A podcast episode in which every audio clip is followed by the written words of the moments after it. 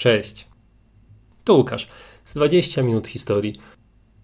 Dziś kolejny odcinek z cyklu o starożytnych cywilizacjach. A dzisiaj opowiem Wam o kulturze, która mnie bardzo interesuje, która jest bardzo ważna w dziejach Europy, a która jest niemalże całkowicie w Polsce zapomniana. Dziś opowiem Wam o Celtach. Zaczynamy. Słuchajcie, kultura Celtów w Polsce jest kulturą zapomnianą.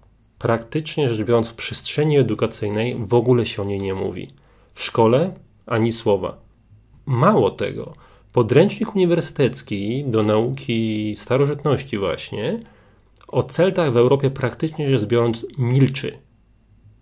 Słuchajcie, zgodzicie się ze mną, że kolebką kultury europejskiej jest starożytny Rzym.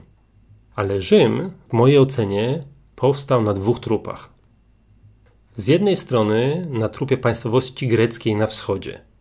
Opowiadałem wam w podcaście, jak Rzym rozbijał greckie państwa na wschodzie. Natomiast na zachodzie Rzym powstał na, na trupie cywilizacji celtyckiej właśnie. Bo właśnie Rzym zbudował swoją potęgę, zbudował swoje prowincje na zachodzie na państwach celtyckich. Kim byli Celtowie?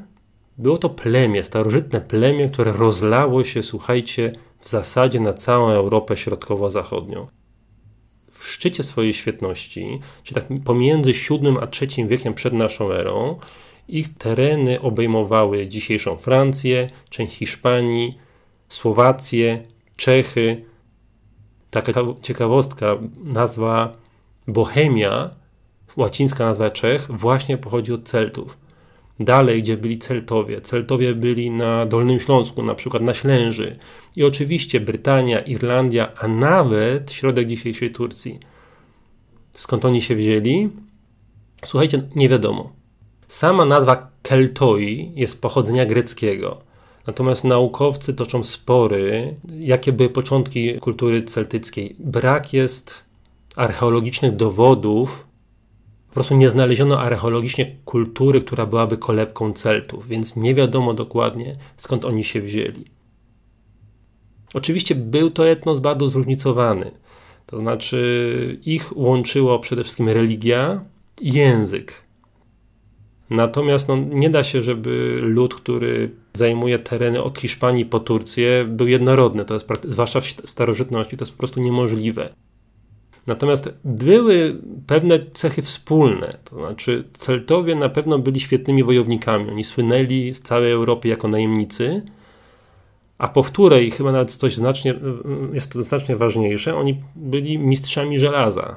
Ich kowalstwo, wyroby kowalskie, artystyczne również, były na niesamowicie wysokim poziomie, no bo była to kultura właśnie epoki żelaza. Tam była jeszcze kultura druidów, ale o druidach opowiem wam za chwilę. Słuchajcie, jak wspominałem, Celci rozlali się po Europie. Tak przechodząc tak panoramicznie od zachodu na wschód, no to słuchajcie, Hiszpania. Tam plemiona celtyckie wdarły się do środkowej i północnej Hiszpanii, wymieszali się z przedindoeuropejskim ludem Iberów, tworząc tak zwane plemiona celtiberyjskie. I właśnie celtyberyjskie było miasto Numancja ono heroicznie się broniło przed Rzymianami, o czym Wam opowiadałem w jednym z, e, z odcinków podcastu. I nawet do dzisiaj nazwa krainy w Hiszpanii, Galicja, ma właśnie celtyckie pochodzenie. Dalej, oczywiście, też Wam już o tym opowiadałem, e, wdarli się do Italii. Tak zwana Galia Cisalpińska, czyli Dolina Padu, była państwem celtyckim IV-III wieku to był bardzo poważny gracz. Im się nawet udało, jak wiecie, złupić Rzym. I właśnie historycy przyjmują, że z, tego, z tej Galii Cisalpińskiej też pochodzili słynni najemnicy, którzy na zlecenie potęg starożytnego świata, czyli Syrakus, Egiptu czy Kartaginy, atakowali wskazywane miasta. Rzym długo sobie z nimi nie mógł poradzić. Główne uderzenie, takie rozprawienie się, można powiedzieć, z nimi to tak na, na koniec III wieku naszej ery, ale tak naprawdę to jeszcze walki z pewnymi plemionami celtyckimi miały miejsce jeszcze za Oktagana Augusta, czyli na przełomie R. Słuchajcie, w III wieku przed naszą erą, dodam jeszcze, oni darli się też do Grecji. Tam złupili słynne sanktuarium wyroczni delfijskiej I z Grecji przedali się do Turcji, gdzie w Anatolii, w Turcji Środkowej, stworzyli królestwo Galatów, które Rzymianie z kolei podbili dopiero w II wieku przed naszą erą. Ziemie tego etnosu celtyckiego rozpościerały się od Hiszpanii po Turcję. I teraz sobie wyobraźcie, że lud, który zajmował takie terytorium, nie zajmuje praktycznie w ogóle miejsca w naszej przestrzeni edukacyjnej. To jest moim zdaniem to jest nie w porządku, jest to po prostu niewłaściwe. Ale najważniejsze i tak powszechnie kojarzone terytoria Celtów to Brytania i oczywiście Francja. Brytania kojarzy się dziś jako centrum druidów i rzeczywiście ci kapłani, o których szczegółowie troszkę Wam powiem za chwilę, szkolili się bardzo często właśnie w Brytanii. Rzymianie długo nie mogli ujarzmić tych plemion brytyjskich. Już Juliusz Cezar w I wieku przed naszą erą dwukrotnie przed, przeprawiał się do Brytanii i dostawał łupnia. Zachowały się zapisy, że wojownicy brytyjscy siali postrach wśród Rzymian, bo malowali sobie je owcem twarze na niebiesko. I może kojarzycie takie sceny właśnie z filmu z Melem Gibsonem Braveheart, klasyk z lat 90., tam właśnie Szkoci malują sobie twarze na niebiesko i to właśnie jest zwyczaj celtycki. Rzeczywiście Celci, Brytowie, tak robili. Brytanię podbił dopiero cesarz Klaudiusz w pierwszym wieku naszej ery, chyba około 40 roku, ale też nie całą bez Szkocji. Potem cesarz Hadrian już w drugim wieku naszej ery nakazał wybudować mur Rzymianie na murze Hadriana odpierali ataki Piktów z północy. To jest z kolei, Piktowie to był jeszcze inny lud, nie, nie celtycki. Aż Rzym się wycofał z Brytanii około na początku V wieku. Natomiast takim absolutnym centrum kultury celtyckiej była dzisiejsza Francja. Rzymianie nazywali to terytorium Galią. Galia została zdobyta przez Rzym w pierwszym wieku naszej ery. Dokonał tego Juliusz Cezar w latach 58-51. Był to jeden z najważniejszych momentów w historii, bo przez to, że Rzym podbił Galię, tak naprawdę doprowadził do, do kasacji tej kultury i dzięki temu mamy dzisiaj romańską Francję. Słuchajcie, jak to było z tą wojną galijską?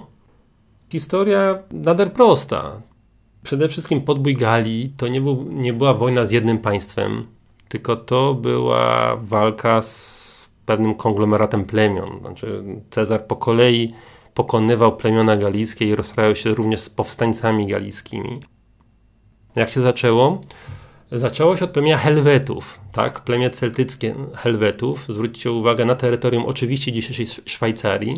Zresztą Szwajcarzy no do dzisiaj e, chyba tablice rejestracyjne czy znaki na samochodach to jest H, czyli Helwetia.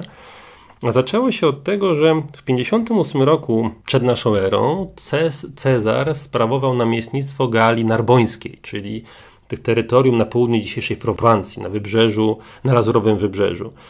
I w tymże roku Helweci ze Szwajcarii stwierdzili, że muszą zmienić swoje siedziby, bo ich granice są za wąskie.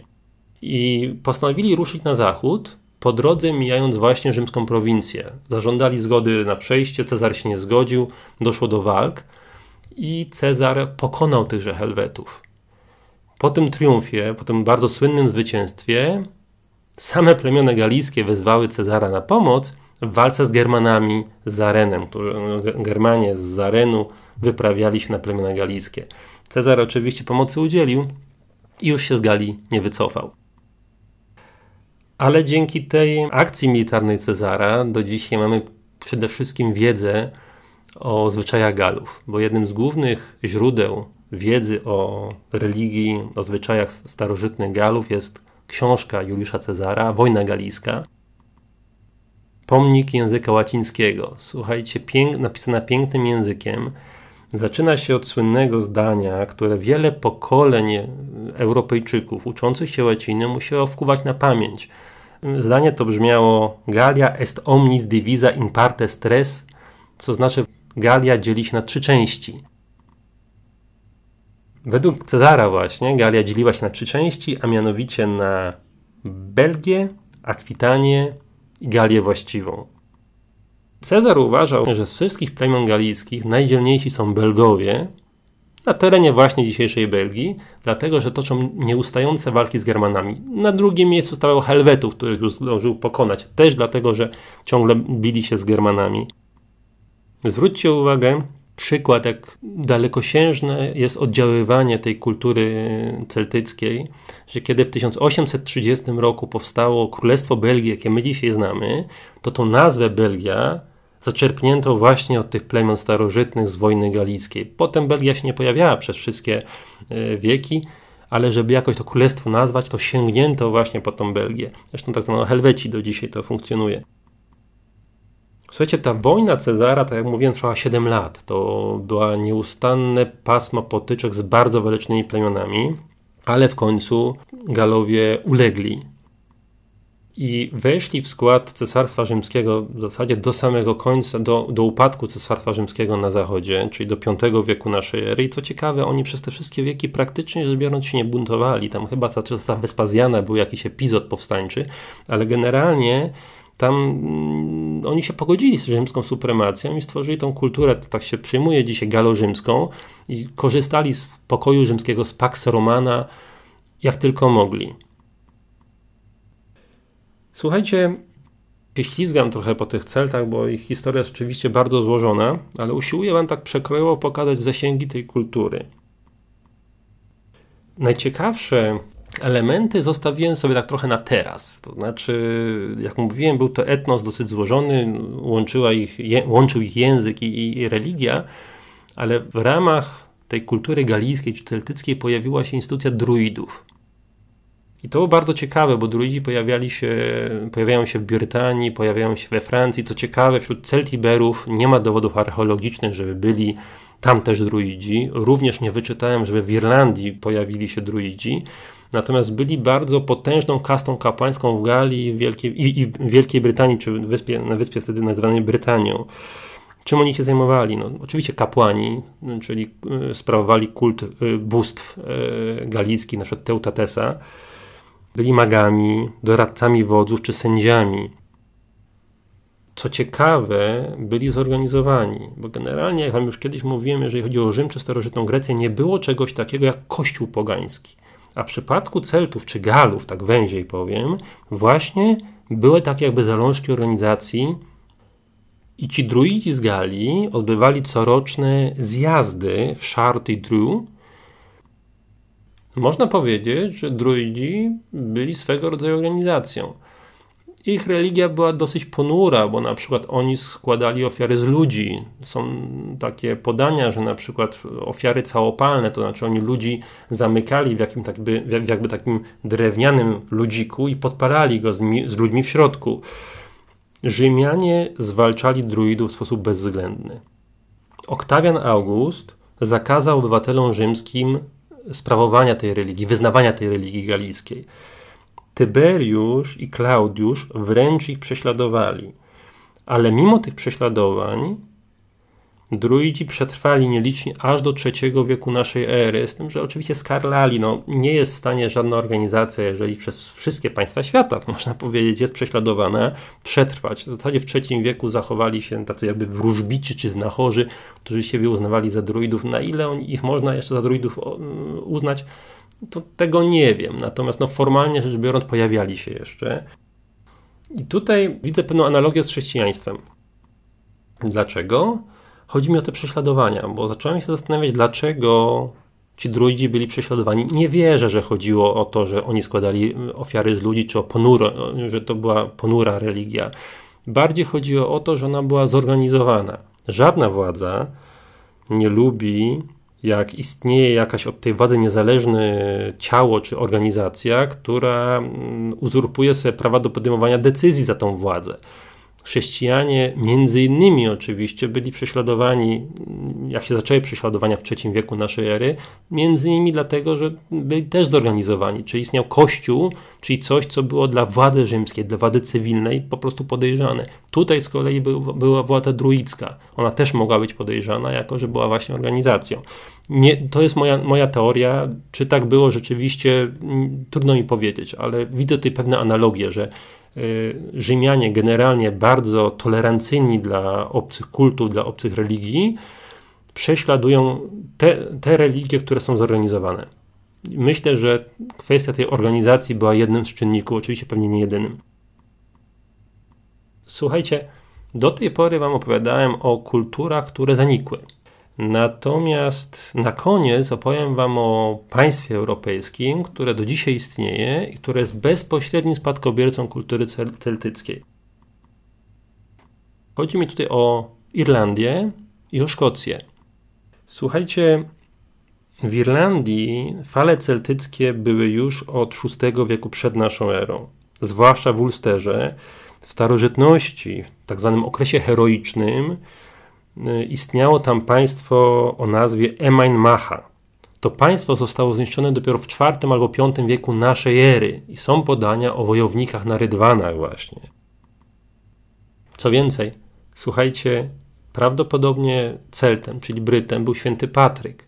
Święty Patryk na początku V wieku naszej ery, czyli na pod sam koniec starożytności, urodzony w Wielkiej Brytanii, prawdopodobnie wykształcony w Galii, wyprawiał się z misyjnymi podróżami właśnie do Irlandii i chrystianizował Irlandię. Co ciekawe, Irlandia nigdy nie była częścią Cesarstwa Rzymskiego i tam chrześcijaństwo nie zostało narzucone siłą oręża, tylko Celtowie jakby sami odrzucili swoją religię i przyjęli chrześcijaństwo. I przyjmuje się, że historia Irlandii zaczęła się w V wieku naszej ery. I to do dzisiaj jest w linii prostej państwo spadkobierca kultury celtyckiej, tej starożytnej kultury celtyckiej. To jest coś niesamowitego, jak długa jest to historia. W starożytności na tych Irlandczyków Rzymianie mówili Scoti. Potem ta nazwa, że tak powiem, Skoti również przygnęła do Szkotów, do mieszkańców północy, bo tam również byli Celci, którzy z kolei wymieszali się z, z Piktami i dopiero w IX wieku naszej ery, czyli już w średniowieczu, Kenneth MacAlpin założył królestwo Alby, co znaczy po prostu Szkocja. On wtedy powstała Szkocja. I to jest państwo, Szkocja, która również jest państwem celtyckim. Zresztą do dzisiaj i w Irlandii, i w Szkocji, Scottish Gaelic czy Irish Gaelic, czyli języki galickie, Języki te do dzisiaj są językami używanymi. Słuchajcie, historia dla mnie niesamowita. Etnos bardzo żywotny, niesamowity wpływ na Europę. I na koniec, w ostatnim zdaniu, wyrażę podziw dla panów Gościnnego i Uderco, rysowników komiksów, że stworzyli postać Asterixa i Obelixa, bo dzięki nim Galowie czy Celtowie weszli do popkultury, do kultury masowej i dzięki temu wszyscy wiemy, kim byli, dzięki temu, że wszyscy znamy Asterixa i Obelixa, wszyscy pamiętamy o Galach. Myślę, że gdyby nie było Asterixa i Obelixa, to byśmy o Galach nie pamiętali. A przynajmniej mm, chodzi mi o taką powszechną opinię, nie, nie mówię o naukowców czy, czy ludzi, którzy się tym zajmują. Więc jest to fajny przykład, jak komiksy czy kultura masowa robi dużo dobrego dla takiej, powiedzmy, powszechnej świadomości. Bardzo by było fajnie, gdybyśmy w Polsce mieli takiego swojego Asterixa i Obelixa. W pewnym sensie mamy to Kajko i Kokosz Janusza Christo. Tutaj widzę pewną analogię i też komiks mojego dzieciństwa. I też on popularyzuje istnienie Słowian. Słuchajcie, tyle na dzisiaj. Tyle o Celtach. Co będzie za dwa tygodnie, nie wiem.